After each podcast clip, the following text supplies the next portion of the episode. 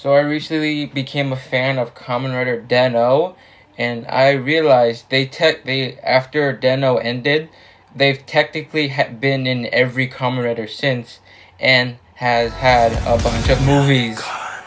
As long as I watch over you, you don't need to So I just uh, re-listened to like the intro, and the way I say movies is fucking dumb. So make fun of me if you want. I I, I say please do it. So when I say uh, Den-O has been in a lot of things, um, I mean like so De- Rider Den-O has the show because obviously, and then the movie that's like it's like Demon Slayer right now, even though Demon Slayer wasn't a thing yet. So it's like uh, so they did like a, de- a thing that they do with that Demon Slayer is doing, even though fuck, how do I explain this? Okay, so here. Demon Slayer season one uh, is like done, and then season two was a movie. Rider Den-O, a chunk of the okay, you you have to watch a chunk of the show, and then like then there then there's this like area where you like have to have to have to watch the movie and then finish the show. That uh, if that helped, uh, I think that's how it's done. I think I explained it okay. And then after Den-O ended, Kiva started, and then there was a quote unquote crossover. If you've seen the movie, you understand why I'm saying quote unquote crossover with Kiva and Den-O, and that was and that movie was a promotion for their other movie where Ryotaro meets his future grandson Kotaro. Yeah, and then after that, Kamen a Decade, and since it was the 10th anniversary of the Heisei generation, it's like yeah, it makes sense that they make a cameo, and their cameo was also a promotion for their movie.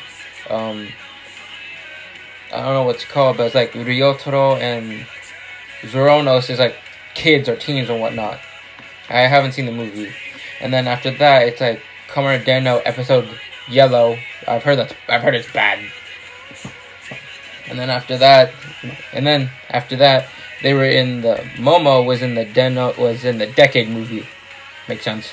And then Momo again was in the Decade and W crossover.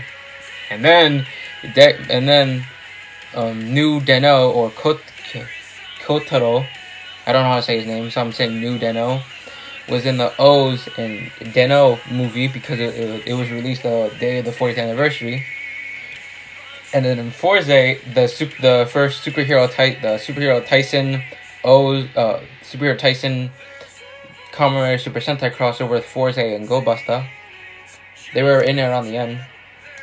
And then in Wiz in like the two confusing people don't know if it uh, there's like an argument if like the two episodes are canon or not where um the voice the actor or voice actor whichever of Momo was in it and then in Gaim Momo is in it for like a little bit for like the Tokyo train scene with their Zord. I'm calling it Zord because I grew up with Power Rangers.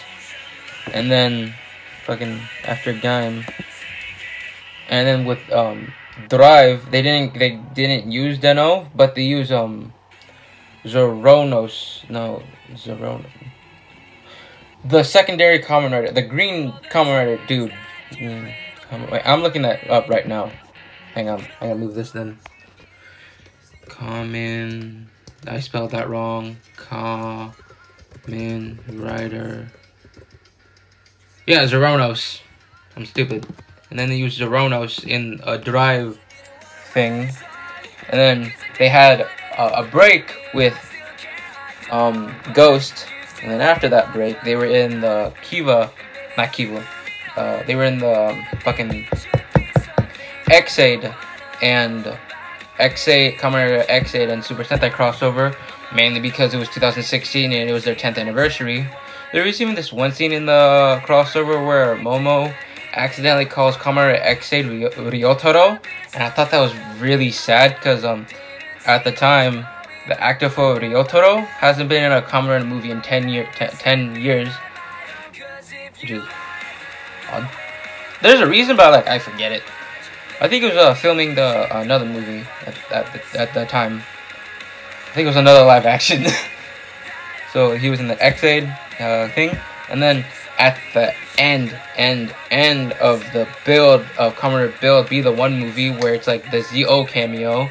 You just see Den-O fighting and getting his ass handed to him, and then Zi-O comes out of nowhere, and then in Zi-O, and then in Rider Heisei Generation Forever, you see all the Magis and um, the actor for Ryotaro come back for the first time in years, and then they and then Zeronos and Den-O are in are make a cameo at, for the 20th anniversary, and then for not even 10 seconds in the Kamen Rider Zero One and Z, Zero One Zo crossover, Reiwa the first generation or something. Probably said that wrong.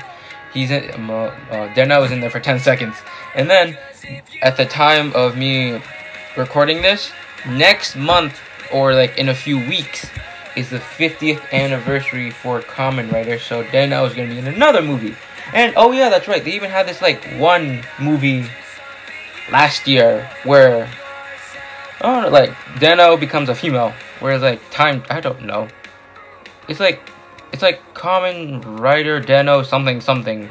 I'm looking I'm actually gonna look that up right now. And before I forget to mention the voice actors for the the Magis um are actually in the Kamen Rider Kiva movie. There's like an argument if that movie's canon or not.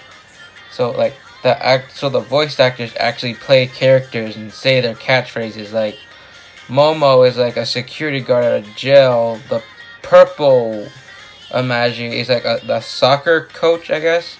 The blue one that apparently looks like a turtle is the um, chess is like a dude in chess. And then like the yellow one that says "My strength will make you cry," it plays like a teacher.